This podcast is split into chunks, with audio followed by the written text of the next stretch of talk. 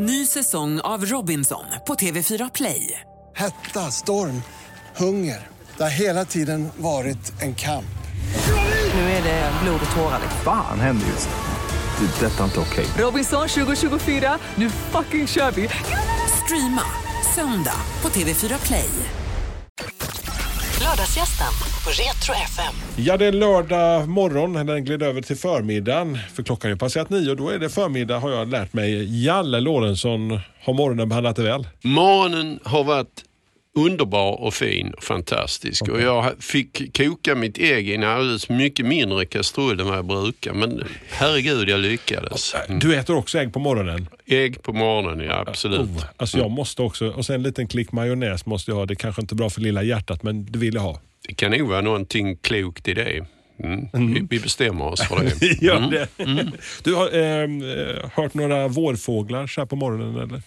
Inte just denna morgonen, men jag, jag har inte hört någon riktig höjdare än. Utan koltrast är ju alltid vackert. Men, eh, Tycker de är så roliga när de sprätter omkring ute i trädgården där hemma. Ja, visst är de det. Alltså koltrastar kommer alltid att fascinera mig fast det är bland de vanligaste fåglar vi har. Visste du det att de fanns bara i skog för hundra år sedan? Är det så? Ja, det är först de sista åren de har vågat sig in bland människor. De var oerhört skygg skogsfågel förr. Mm. Men du, eh, alltså, eh, har det hängt med som barndomen, det här fågelintresset? Eller? Hade det i barndomen, eh, fåglar. Och sen när jag var träffade min fru i 25-årsåldern. Så Hennes bästa vän var fågelskådare och när jag turnerade som allra mest och hängde på Oves och andra tuffa ställen här i Malmö på, när jag inte spelade, Ja. alltså var ute och festa, så började jag tröttna på det livet lite grann. Man kunde ju göra någonting annat än att leva rock'n'roll-liv och då fick han med mig ut och han är en av Sveriges bästa och skriver böcker och leder resor och sånt där. Erik heter han. Han, han, eh, han fick mig totalt fascinerad. Så det blev mitt andra liv liksom. Är du med i Klubb 300 eller? Jag är med i Klubb 300. Ja. Eller fy- fy- 400 kanske? Hur många har du nu? Det där är en jäkligt jobbig. Jag har haft 400 kryss men sen har de bestämt sig för att en särskild buskskvätta inte ska räknas på samma sätt som man har gjort förr. Så därför är jag nere nu på 399 kryss. Jag har varit där nere i ett och ett halvt år. Jag har inte fått någon ny. Du vet, ska man ha en ny art när man är där uppe på de antalet så ska det vara något rätt extremt som kommer hit till Sverige. Men du, alltså, jag, jag, jag har ju varit med där när det, har- det har varit det här larmet går och alla Mm. sätter sig i bilarna och blåser och hoppas att han, fågeln inte har. Det var något på någon stens huvud här nu för, för två år sedan kanske. Alpjärnsbarv. Ja, just det. Jag missade den. Jag gick åt fel håll. Du råkar sätta fingret just på det som är jobbet. Jag gick faktiskt helt fel. Jag skulle gå höger vid en stig och så gick jag vänster. Och när jag kom tillbaka och hittat rätt så var eländet borta. Då hade jag ändå kört över hela Skåne från Malmö. Ja, men men eh, den där känslan när du kan bocka av, alltså, kan du beskriva den? Det är ren eufori. Alltså om det är första gången man får se en fågel som man aldrig har sett för så är det ren eufori. Man är helt viktlös, totalt lycklig. Ungefär som när Ravelli plockar straffarna 94. Eller hur? Det är den glädjen. Bara, Mm, yes! Mm, Där satt han. ja. Men du, eh, första fågeln du, du kollade in, vi börjar på fågelspåret Jalle. Mm. Alltså det första riktiga kryss jag fick, det var faktiskt en gam som hittades 1986 över Falsterbo och seglade där. Och sen så vände den om för de blev rädda när de insåg att de måste ta sig över havet. Så det, de brukar göra några försök, de här riktigt stora rovfåglarna. Så den här gåsgamen som den då var, den vände liksom inåt land och följdes i två mil av en bil och sen såg man var den gick ner på vilken nattkvist den tog. Så att nästa morgon så stod vi några hundra där och tittade på och jag var rätt besviken för den hade gömt huvudet i fjädrarna så man såg liksom inte någon gam. Man såg bara en, komposthög av fjädrar i träd. Jag bara, tyckte det här är ju ingenting. Nu i efterhand, herregud, att sett en vild gam i Sverige är ju rätt Det, häftigt. det är rätt coolt faktiskt. Ja. Alltså själv, jag, snöade in när ungarna började bli så här, du vet barn blir så här sjukligt fascinerade när de verkligen går in. Jag, Mm. Min dotter blev så här jätteintresserad av rovfåglar så det blev våran grej. Så Mm. vi åkte till Fyledalen titt som tätt. Och, du vet de här vackra vintervyerna när man kommer ner i dalen. kommer några små bambisar skuttande och så där kommer Mm. några vildsvin vildsvin som bökar och där så kommer den stora mäktiga kungsörnen. Liksom. Ja, så är det ju. Alltså, det- det du, precis, kungsörn ser du ju just på vintrarna Mm. i, i Skåne. Det är bara att åka ut. Hur är livet nu eh, den här veckan? Du har haft en hektisk vecka. Du är chef för Kulturskolan här i Malmö. Ja, det är ju 5000 barn som går på liksom och lär sig på, på sin fritid lär sig spela eh, instrument eller teater eller håller på med bildkonst, eh, film och det är ju ett fantastiskt jobb. Eh, underbart. Jag har hundra underbara lärare som driver detta. Men just nu i dessa coronadagar är det en rätt rörig tillställning. Men hur ska vi göra? Hur ska vi, vilket beslut ska vi ta? Men vi är rätt noga med att fö- följa exakt vad, vad staden säger och vad Folkhälsomyndigheten säger och försöker Har hålla... du varit stressad själv över det här i veckan eller? Eh, ja, det har jag. jag har en, eh, min närmsta kollega har släktingar, en syster som bor mitt i Italien eh, och mitt i epicentrum och det är ju inget roligt det man hör. Va? Så att det, är ju, det är klart att man blir påverkad och vem, vem blir inte det? Va? Vi- Samtidigt handlar det här ju om, det är ju inte mycket mer än en influensa. Va? Och influensa har alltid varit farligt varenda år den kommer. Det är bara det att man har varit i en ålder när man inte tidigare har brytt sig. Nu börjar man närma sig lite mer. Så att det gäller väl bara att vara klok och försiktig och lite strategisk i sitt sätt att vara. Du var jätteduktig att tvätta händerna innan du kom in i studion här också. Ja, varför inte? Du, alltså, det, här med, det heter kommunala musikskolan för det som heter kulturskolan över riket nu. Mm, det är ju för att det hette musikskola förr för det var bara musik. Nu sen 90-talet ungefär så har man lagt till teater, dans, film, bild, serieteckning är vi väldigt stolta över. Och sådär. Mm. Gick du själv på kommunala eh, en gång i tiden? Jag blåste den där blockflöjten. jag, jag, Säg nu inget dumt om blockflöjtar. Eh, alltså blå, vi, våra blockflöjtslärare, vi har blockflöjt igen men det är ju inte alls som det var. Alltså det är ju 20 år sedan man har tagit bort det här med att man måste spela blockflöjt innan man får spela ett Ja. annat instrument. Det, det har ju inte gällt på två decennier men det lever kvar det där eh, bilden av Nej men jag, jag lärde mig ju själv va, spela munspel. Det är ju det jag kan. Men, var, men var, var det självlärt eller var det genom musikskolan där också? Nej, nej, det var helt... Alltså jag, jag gick och spelade blockflöjt när jag var åtta. Sen så hade jag ingen tanke på att hålla på med musik. Men du vet när man kommer i tonåren och börjar undra över livet och känslor och vilja uttrycka sig så blev bluesmusiken min. Alltså jag bara älskar blues. Det blev din baby? Så. Ja, och Peps Persson. Ja. För han är från Tjörnarp. Just och. Tjörnarp har vi sommarstuga i. Så då gick jag och köpte en platta med honom bara för att ja, han var från Tjörnarp. Ja. Jag visste inte riktigt vad det var. Men det är ju- mitt liv. Mm. För att sen började jag spela The Week Peps Came to Chicago, hette den plattan. Då började jag spela till den och det var fiffigt för det, jag spelar mest i två tonarter. Det är himla dyrt för en tonåring att köpa munspel. Men jag hade råd med de två munspelen. Har du tackat Peps någon gång så här i efterhand för att han inspirerar dig? Jag har ältat de här tacken många sena nätter för honom. Han, han var rätt uppgiven sista gången. Så Ja, men ge dig nu då. ja, ungefär. Ja. Men du, alltså det där med blockflöjten. Alltså jag var samma. Jag ville ju börja spela trummor men sa att nej, du måste börja med blockflöjten. Jag kommer bara fortfarande ihåg den där, kommer ihåg den där doften. Man skulle ha den där lilla lasern som man skulle köra igenom flöjten. Det luktar inte hallon och maräng. Nej, det stämmer. Jag vill också spela trummor. Det var ju intressant. Vi har något gemensamt. Ja, och, och, sen- sen, då när jag väl fick börja spela, fick jag en sån liten jävla gummiplatta för att öva takter liksom. Jag, ville, ju- jag var ju Mick Tucker i Sweet för tusan liksom. Allt sånt har vi tagit bort. Ja. Vi möter liksom barnet där det är och liksom lyfter det, deras drömmar. Det är vad vi gör i kulturskolan. Och det alla lärare har den inriktningen och inställningen nu att det här med, liksom möter vi barn så lyssna på vad de vill och, och så gör vi det. Alltså det känns ju lite grann som att kultur eh, inte alltid har varit prio liksom, när det gäller liksom, att fördela pengar ute i, i den stora världen som vi kallar pappa staten. Hur, hur har du, hur har du liksom reflekterat över den senaste tiden? Det finns ju många, många ställen där man faktiskt har dragit ner på... Ja, jag är ju ordförande för alla kulturskolors nätverk i Sverige och vi har precis dratt igång en re- rejäl kampanj om att vi vill ha en lag som skyddar just kultur för barn och unga. Va? För att barn och unga inte ska hamna i strykklassen när det gäller neds- besparingar. Alla kommuner måste väl spara men sist det var så här illa i kommunerna då det var med, från börskraschen 87 och, och 10 år framåt till 97 så minskar kulturskolorna, musikskolorna med 25 procent. Det är ju en enorm minskning. Det vill inte jag se igen. Nej. Så därför kräver vi en lag för att liksom värna kulturskolorna. Wilmer.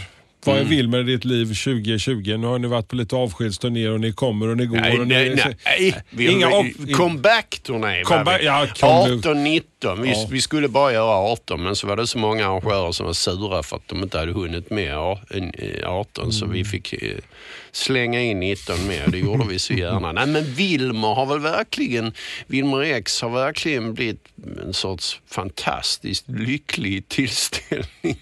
Mm. Eh, är det någonting jag...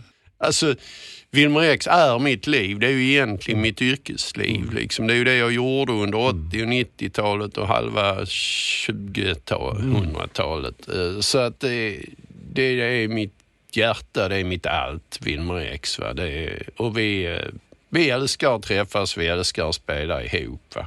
Jag vet, jag pratade med Nisse. Han var ju här i detta programmet för, för, för lite drygt ett år sedan och så pratade vi om det här med just att när man inte har träffats på länge och sen kommer ni in i replokalen och så ställer ni och sen plötsligt så är, är man tillbaka nästan i, i, i, i samma jargong som var en gång i tiden. Ja.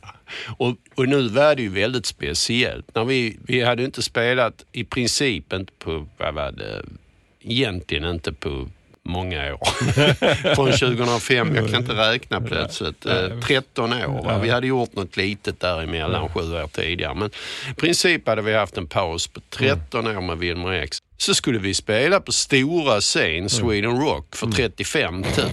Det första vi skulle göra. Så alla kände nog att det här är lite press. va. Nu alla- måste vi leverera grabbar. Ja. Sen är det ju det att vi har hållit igång. Alla har spelat. Alla är skickligare musiker idag än vad vi var för eh, när vi ja, slutade 2005. Så, t- så det tog inte många timmar innan vi fattade att herregud, vi, ju, vi kan ju, vi är ju bra. Så det självförtroendet, det har vi också varit rätt bra på att liksom bara tycka att vi är bäst. Det är en av våra stora tillgångar. Ja, men, det är ju Malmö. Vet du. Sen hur, mycket fakta och fog vi har för det, det är en annan historia. Men vi tycker alltid att vi är bäst. Och så skulle vi åka upp där till Sweden Rock och du vet, man, det är ju inte vilken... Det är ju så stort så det är sanslöst. Va? Du vet, först är det en säkerhetskontroll, sen är det en till och sen medan man sitter i den tredje säkerhetskontrollen så kommer liksom Judas Priest gående där eller eh, Iron Maidens eh, crew eller något sånt där. Va? Man börjar, hmm, var har vi hamnat nu? Sen till slut när man skulle in i det tält där man klädde om så stod det vakter där också. Man skulle visa de här plastbanden man får och sånt. Så det var ju en jäkla apparat. Och sen skulle vi gå upp, vi skulle göra en line check. En soundcheck, då testar man ljudet på riktigt. Line check så man bara till att det är ström i allting. så att lampor lyser och det är ljud i grejerna. Så vi gick upp och gjorde en line och det var ju ett landskap den scenen. Den var ju, det var ju en katedral, bara scenen var stor som en Kölnerdomen liksom. Och där skulle Moi stå där, lilla jag där. Tänkte man, herregud, hur ska detta gå? Sen är Sweden Rock lite speciellt. Det var 35 000 på spelningen. Men jag var uppe, jag hade glömt ett munspel när vi gjorde linechecken så jag var tvungen att springa upp och hämta bara en kvart innan spelningen. På alla andra festivaler så en kvart innan så började det stå tusentals människor och vänta. Men då stod det 38 människor ungefär. Inga människor alls. Tänkte, vad i helsike? Vi är stekheta Ja, och vi spelar halv två på dagen så att jag tänkte, är det så att folk eh, skiter i första artisterna? Eller vad är det frågan om? Så jag var liksom väldigt mixed emotion. Det finns en bild när jag går upp för den bryggan upp mot så? scen. Ja, så jag ser ut som jag först till schavotten. Jag ser fullständigt förstörd ut. Och sen så när jag väl kommer in på scen så står där 35 000. Du vet, Så är de på Sweden Rock. Då är de på mm. vid någon annan scen och lyssnar. Man lyssnar på allt. Det är världens bästa publik. Helt underbar publik. Och där stod 35 000 och sen efter två låtar så var det back in business. Det Inga problem. Men känner du den alltså, energin? Liksom, alltså, vi- jag har ju aldrig varit rockstjärna, men just den känslan när man kliver upp Pröva scen. det, pröva det. Det är ett eh, tips. Är det du en kick, eller? Ja, det tycker jag. Mm. Ny säsong av Robinson på TV4 Play. Hetta, storm, hunger. Det har hela tiden varit en kamp. Nu är det blod och tårar. liksom. Fan händer just nu. Det. är Detta är inte okej. Robinson 2024, nu fucking kör vi! Streama söndag på TV4 Play. Ett poddtips från Podplay. I podden Något Kaiko garanterar östgötarna Brutti och jag, Davva, dig en stor dos skratt. Där följer jag pladask för köttätandet igen. Man är lite som en jävla vampyr. Man har fått lite blodsmak och då måste man ha mer. Udda spaningar, fängslande anekdoter och en och annan arg rant. Jag måste ha mitt kaffe på morgonen för annars är jag ingen trevlig människa. Då är du ingen trevlig människa, punkt. Något Kaiko, hör du på podplay. Därför är gardinerna. De stora scenerna för mig är liksom, Wilmer är i, i, de stora sammanhangen jättekul, men det är ju ändå KB, det är ju liksom tivoli, det är, det är, alltså, det är de intima liksom. Jag menar, hur många gånger har man inte... Alltså rockklubbarna runt om har vi ju gjort. Det är ju det är sant. Det är där vi trivs allra, allra bäst. På en rockklubb som tar 700-800 pers och tight och tätt och häftigt. Det och det har vi...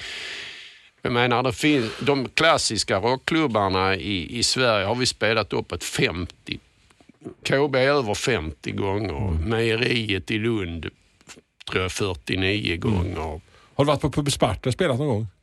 På- Massor med gånger Ja. Pubsparta. Totalt kaotiska Ja. konserter. Jag Ja. kommer ihåg en gång så hade vi eh, sju brottare som stod längst fram. De var verkligen brottare som hade skrivit med, ett, en hade skrivit ett V, en ett I på sin överkropp. De stod med bara överkropp. L, M, så de bildade Wilmer X. Så stod de längst fram, ögonen stod ut ur huvudet på dem. Och de öste som tusan. Och alla andra hundratals människor där stod bara tryckt upp mot scenen. Fanns, på den tiden fanns det inga kravallstaket eller något sånt där. Så det var rätt kaotiskt. Och mitt under konserten så kommer en upp ur publiken fram till mig och säger kan du stoppa konserten? Jag har tappat mina kontaktlinser. Så det är klart vi gjorde det. Nej, jag tog beslutet snabbt att vi får nog vänta på det där. Ja, men här, kommer du ihåg första spelningen du gjorde? Eh, känslan över att stå på, en, stå på en scen och ha publik som kom dit för att se dig? Ja, de första spelningarna var egentligen ren panik bara. Vi hade ju ingen aning om vi faktiskt kunde spela eller inte. Det var mest bara genomleva. Men jag minns kicken ändå. När folk faktiskt klappade. Och, och jag, vi, alltså allra första konserten var ju 78, mm. 7 april. Och direkt visste jag att detta är mitt liv. Så här är det. Och jag skulle bli historieprofessor så det gick kana iväg helt åt helsike. Men jag kände, nej, nu är det det här som gäller. Och, från, och vi kände inte varandra, jag och Nisse. Vi hade bara liksom träffats i replokalen där tre, fyra gånger före den där spelningen. Men direkt så började vi ringa varandra, timslånga samtal och dra planer och linjer och sånt där. Så, så att det blev livet för mig. När, när föräldrarna fattade att den unge Jalle skulle satsa på det här, fick du inte den här frågan, men vad ska du egentligen göra Påg? Jag hade världens snällaste föräldrar. De var liksom positiva till allt. Så att eh, jag kan inte säga att jag kände någon press därifrån. Sen utbildade jag mig faktiskt till lärare under de första åren. Vi hade ju ingen karriär i början. Det var en fritidsgård där och en annan fritidsgård där och plötsligt fick vi spela på någon festival fast utan gage. Det var ju liksom så i början. Va? Så att det tog några år innan det vevade igång på allvar. Då hann jag utbilda mig till lärare i alla fall. Då var de rätt lugna. Men, men eh, hur många år har du jobbat som lärare? För det har ju varit din andra sida, liksom karriären nu innan kulturskolan också. Många tycker det är konstigt. Ro- ro- Rockmusiker, till och med rockstjärna, något år skulle vi nog kunna säga att vi var rockstjärnor. Eller ja, det kan man nog säga på ett sätt. Men jag tycker det är rätt lite samma sak. Du, vet, du kommer in i en lokal, där är ett antal människor som inte är riktigt säkra på de, vad de, de har inte bestämt sig för vad de ska uppleva. Och sen tar du tag i alltihopa efteråt tycker alla att det här var ju kanon. och jag, jag, jag har alltid trivts med att vara de gånger. Jag har aldrig varit riktig, riktig lärare. Jag blev utbildad mig till ämneslärare i svenska och religion och historia. Jag har haft, haft något terminsvik under Wilmers fattiga år. Men sen när, jag, när vi började göra stora turnéer och sen ha år, årsvis utan att vi gjorde turnéer, då behövde jag en inkomst och framförallt något att göra för att må bra. Och då har jag jobbat rätt mycket med ungdomar som har haft det lite tufft i livet. Det är det jag har gjort. Eh, individuella programmet heter det ju på gymnasiet när du inte kommer in och jobbat med något som heter Rädda Barnens musikprojekt. Där vi samlade ett antal ungdomar i stan som inte ville gå i skolan, som tyckte skolan var något tröstlöst. Och sen så fick de göra en skiva och för att få göra den skivan var de tvungna att sköta matte och svenska och SO. Lilla moroten där då Ja. liksom. De var tvungna att gå på båda. De fick inte bara gå på musikdelen. För då fick de inte vara med på musikdelen. Det var rätt enkel pedagogik. Men den funkar alldeles Ja. utmärkt. För en av de elever jag hade, första året var vi på kajplats 305. Då, då var vi på andra våningen och där gick eleverna ut på gården och rökte lite och snackade med varandra när det var rast. Och sen var det dags att komma tillbaka. Då brukar de ha sina bergsprängare så det dånar av olika hiphopmusik i trappan eller hårdrock var det mycket på den tiden. Men en gång så var det bara en sång. Och ingen komp, ingenting, inga gitarr, bara sång. Tänkte, fasen vad häftig musik, vad är det här för en sångerska? Hon måste jag leta upp. Så var det Lulu Lamotte från Va? Mamas. Nej, var det Ja, och den sången hon hade. Som power voice eller? Nej, det var inte klokt alltså. Herregud. Och Lulu har jag... Jag är så glad att hon fick Satt och kollade vinna Melodifestivalen. Satt och kollade Mello då nu här, här, Satt och kollade Mello nu här om veckan eller? Jag tittar inte just på det jag spelar själv i lördags. Så Okej. att jag, men jag har ju gratulerat henne och vi har utbytt budsk messenger med varandra. Och, och eh, jag har spelat med henne sedan dess och hon är ju fantastisk. Alltså. Fantastisk. Så att, ja. Malmöpåg från början. Ja, ja, ja. Mm, det Rosen, Ros. Ros, Rosengård. Ja, gamla Ros. Alltså Det- villa. Jag ska ja. inte liksom kokettera med att jag är uppväxt i höghusområdet Rosengård. Nej, utan utan gamla villa. gamla villaområdet Ja, där ute. Mm. Mm, Och hade klasskamrater från eh, Augustenborg och Botildenborg och, och där. Och, och liksom jag uppväxt i det gamla Malmö som det var förr. Alltså, vad, vad, kan du sakna någonting från den tiden? Alltså, för Malmö har ju förändrat sig. Alltså, jag tycker snacket var likadant rätt mycket. Det att så? det var vi och dem och, och sånt. Ja. Fast Vi- då vilka- var det vilka inte, var de då? De var vi. alltså vi som var från östra Malmö. När man sen kom på gymnasiet så fattade man att det var mycket finare att komma från västra Malmö. Ja, ja.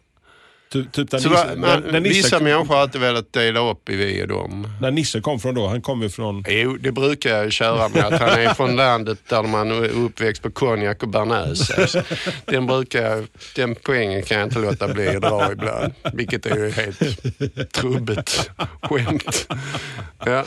Eh, Malmö... Så, så det tycker jag, det stämmer. Alltså, det var likadant. Oh, de som är från det området, de är konstiga och så. Och då var det ju inte från andra länder utan det räckte att man inte... Ja, man bodde på fel sida i vägen. ja och hade märkliga intressen som rockmusik eller något sånt där.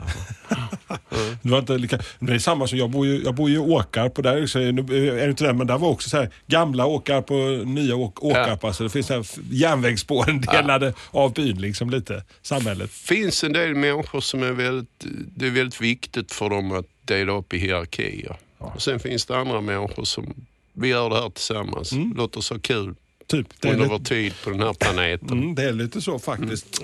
Wilmer 2020, vad kommer att hända? Har, vi några, så här, har, ni, har ni några planer och funderingar? Just nu så sitter ni på varsin kammare och är oroliga för coronaviruset just nu. Men, Plan, jag har inga konkreta planer så. Alltså att jag kan säga ett datum, då kommer vi att spela. Men att vi ska ut, herregud. ja. Vi älskar ju det här att spela tillsammans. Det är ju, vi har ju fantastiska somrar eh, 18 och 19 med massor med folk. Mm. Vi drog mycket mer än vad vi nästan någonsin har gjort. Så att det, det var hur kul som helst. Det Och sli- framförallt så var det inte nostalgiakt. Det tycker inte jag. Jag tycker vi var bättre än någonsin. men det där med att vara ute och turnera då och nu. Alltså, är, man inte lite mer bekväm? Är det, är det lika kul? Är det lika slitsamt som det var när ni var ute och turnerade som mest på 80-talet? Alltså,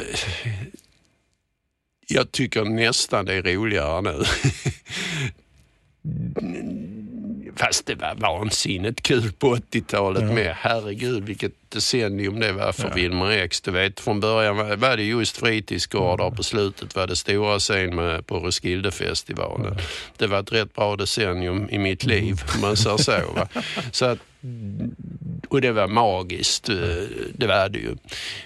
Att liksom ha den här drömmen som vi hade eh, utan att egentligen ha någon fog för det. Och sen bara blir det verklighet. Det, är, ja, det är att få vara med om det i livet. Men sen då comebacken 18-19 Vissa saker kommer aldrig igen i livet.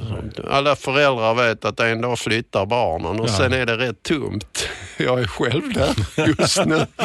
Har barnen flyttat, eh, dratt och... Ja. Ja. Men Wilmer fick komma tillbaka i mitt Oh. liv.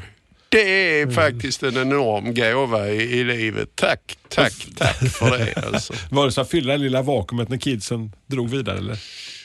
Äh, jag menar det... Det kan man nog säga ja. Mm. Mm. Det som var det häftigaste med comebacken, det var när vi spelade på Malmöfestivalen. Och jag har tre barn och den yngsta är just min dotter. Hon eh, var vid det tillfället 19. Och hon hade aldrig sett det här med Wilmer X. Hon var för liten innan. Så att jag, när hon var i tonåren så liksom körde pappa med, ja men du vet jag är en jäkligt stor rockstjärna. Du kan tänka Ja, dig då. den blick man fick från en 16-årig tonårsdotter. Åh, Stick och brinn ungefär. Sen fick hon då se som 19-åring då på Malmöfestivalen. En annan pappa. Ja, hon var rätt tagen om man säger så. Det var en stund jag minns i livet. När Ja, hon just. kom fram bakom scen efteråt. Och, Pappa! det var häftigt. Ja, du. Men du, Usch, jag men, hoppas inte jag hänger ut folk här till höger och vänster, men det blir nog bra med det. det får man göra. Det Mm. kan man göra med, med åldern och, och den, den grejen. Du, äh, Malmö FF. Mm. Betydelse för dig? Malmö FF, ja, det är ju sjuklig betydelse för mig just nu. Alltså, det, nu ser jag allt. Nu kan man ju se allt med alla kanaler. Och så. Mm. Ja, det är ja. träningsmatcher och varför tar han inte in den och varför Mm. spelar han den sortens taktik? Och, och jag menar, Marcus Rosenberg, Ja, det, är det någonting man... jag satt med en tår i ögat. Jag har sett den här alltså, hyllningen när han eh, avtackade så här. Och när, när, när han bryter ihop, familjen kommer in. Ja. Jag tyck, Avtackningen tyckte jag, det var hans fru som hade designat den. Den tyckte jag var så fin. Den var så nära och så mänsklig och så enkel. Eh, och jag var ju där givetvis. Det var ju när han i 95 minuten slog in det här 3-2 målet Oh. mot Dynamo Kiev. Och sagan var all. Ja. Och jag råkar ha mitt kort, jag har sånt kort, årskort, Ja. precis vid pressläktaren. Där sitter de MF MFF-spelare som är skadade och sånt. Va. Och de brukar aldrig, vi brukar aldrig ha någon kontakt med dem. Va? Det fattar man. De, vill ha, de har en mur mellan Mm. sig och oss. Va? Men då, jag menar min kompis stod och kramade om Anders Christiansen. Ja. Och, och alla bara, vi bara liksom, den glädje och den värme. Och att, jag menar vilken människa han är, Marcus Rosenberg, när han kommer hit. Jag, jag bland många andra var, ja men vem är han liksom? Är han så bra? Och varför, varför är de så upphetsade över att han kom? För man liksom kunde ju inte hans karriär riktigt. Jag kunde inte den. Ja, det tog inte många veckor innan man bara satt och dyrkade denna människa. Herregud. Mm. Ja, alltså det, det, hela den, här, alltså den kraften kan jag känna som ganska så alltså, relativt med dig, eh, nybliven MFF-supporter. Den kraften när man kommer in på stadion och den här vandringen genom, som jag alltid brukar beskriva, genom Pildammsparken innan match. Och, alltså, det kvittar liksom vilken hög som låg. Alltså, det är någon, här, alla är där tillsammans, alla pratar med alla och det är en skön och lika jobbigt är det efter en förlust när man vandrar på väg ner till triangeln igen. Fast, fast jag måste säga att tar det nog ändå. Jag menar, det är bara en sport. Ja. Och, och det ska vara kul. Ja. Och det ska innehålla besvikelser ibland. Va? Det, det tillhör det. Men just den kärleken till ett lag, det är något fantastiskt tycker jag. Liksom, och, Jag tycker Malmö FF betyder mycket för den här staden. Alla älskar Malmö, från vilken stadsdel. Det, det ska vara mer sånt som enar den här staden Malmö. Och just de här mörka åren som vi hade med mycket konstigheter i den här stan och så just när då Malmö, den kraften och den uppgångssagan som vi hade under de åren. Och man, där umgås vi, där visar vi att vi visst det kan fungera som en helhet. Något Så det, nej, jag gillar Malmö FF. Zlatan-statyn och invigningen av den. Ja. Jag var där. Jag vet ju det, ni spelade ju... Ja, vi hade våra småbarn som spelade lite Ja, blåsinstrument ja, ja. och sjöng. Ja. Mm, från, från eh, olika Och sen en månad senare så, så har han köpt in sig på något konstigt vis i Hammarby. Ja, och var på en bild i en Hammarby-tröja.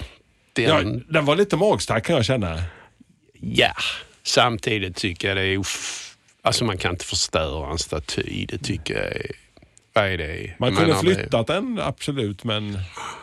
Det kan vi diskutera. Men jag är kulturförvaltningen Mm. Ja, och min, min chef är den som har hand om det här ärendet. Så jag tror hon får yttra sig Ja. i ärendet. ja, folk som utifrån inte förstår hur man reagerar att Malmö, för det här är ju sån...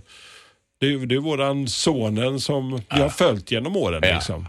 Ja men herregud, är det någonting man har varit stolt över så är det Zlatan. Och jag såg ju honom när han spelade i MFF. Ja, ja. Och det är en fantastisk fotbollsspelare. Fullständigt enorm fotbollsspelare. Det, det är helt otroligt att vi har haft en av de... Jag menar ett tag var han kanske den näst bästa eller bästa i världen vissa ögonblick. Eh, det, är- det är sanslöst. Och, och med vilken kraft han genomför sin karriär. Det, är, det är för härligt. Och titta vad han har gjort för Milan nu. Va? Men, så att han är, han är stor. Men Hammarby-tröja, hallå. Mm, så, exakt, vi behöver inte säga mer än så. Du, alltså, innan jag släpper iväg dig Jalle, för jag vet att du har mycket att stå i och också även på, så här på helgen. Eh, en låt som fortfarande betyder någonting för dig som, alltså, som du skulle kunna spela på autorepeat. En låt från ungdomen som du liksom så bara, åh, åh, den där låten liksom som bara tar dig tillbaka. Så om du blir inlåst i ett rum och blir tvungen att lyssna på den i sex timmar. Sådär. Bara en låt. Finns det någon sån? Usch, det var jag inte re- beredd på Du, den. du kan, jag kan bara säga att eh, Per Nisse då, han, eh, när han fick samma fråga så var det Mark Bolan och det var T-Rex och Get It On. Mm. Och det Vilka är var dina husgudar? Var det? Så jag var jäkligt knepig med det där. Jag är inte uppväxt med rock och popmusik som han är. Jag, mm, om vi går utanför Mm. intervjun så eh, vi hade knappt radio hemma. Eh, Det var ingen jag musikalisk? hade en, en bror, eller jag har en bror, Mm. som är sex år äldre. Så länge han var hemma så spelade han Stones och sånt som betyder jättemycket för mig. Men när han stack så dröjde det ett tag innan jag kom igång. Och sen var det rätt svart extrem blues som jag inte kan spela i radio retro. Eh, men va, varför inte? Nu har jag det. jag älskar Lodi av Creedence Clearwater Revival. Åh, fantastiskt. Mm. Ska vi ta och klämma den? Ja, Ja, vi gör det. Ja. Taget, Jalle. Ja. Fantastiskt kul att du kom. tack. Ut och spana på lite pjoddar nu. Ja, Små, ska jag pjo- också. små. Ja, tänkte jag. Lördagsgästen på Retro FM. Ny säsong av Robinson på TV4 Play. Hetta, storm, hunger. Det har hela tiden varit en kamp. Nu är det blod och tårar. liksom. Fan händer just det. Det är detta inte okej. Robinson 2024, nu fucking kör vi! Streama söndag på TV4 Play.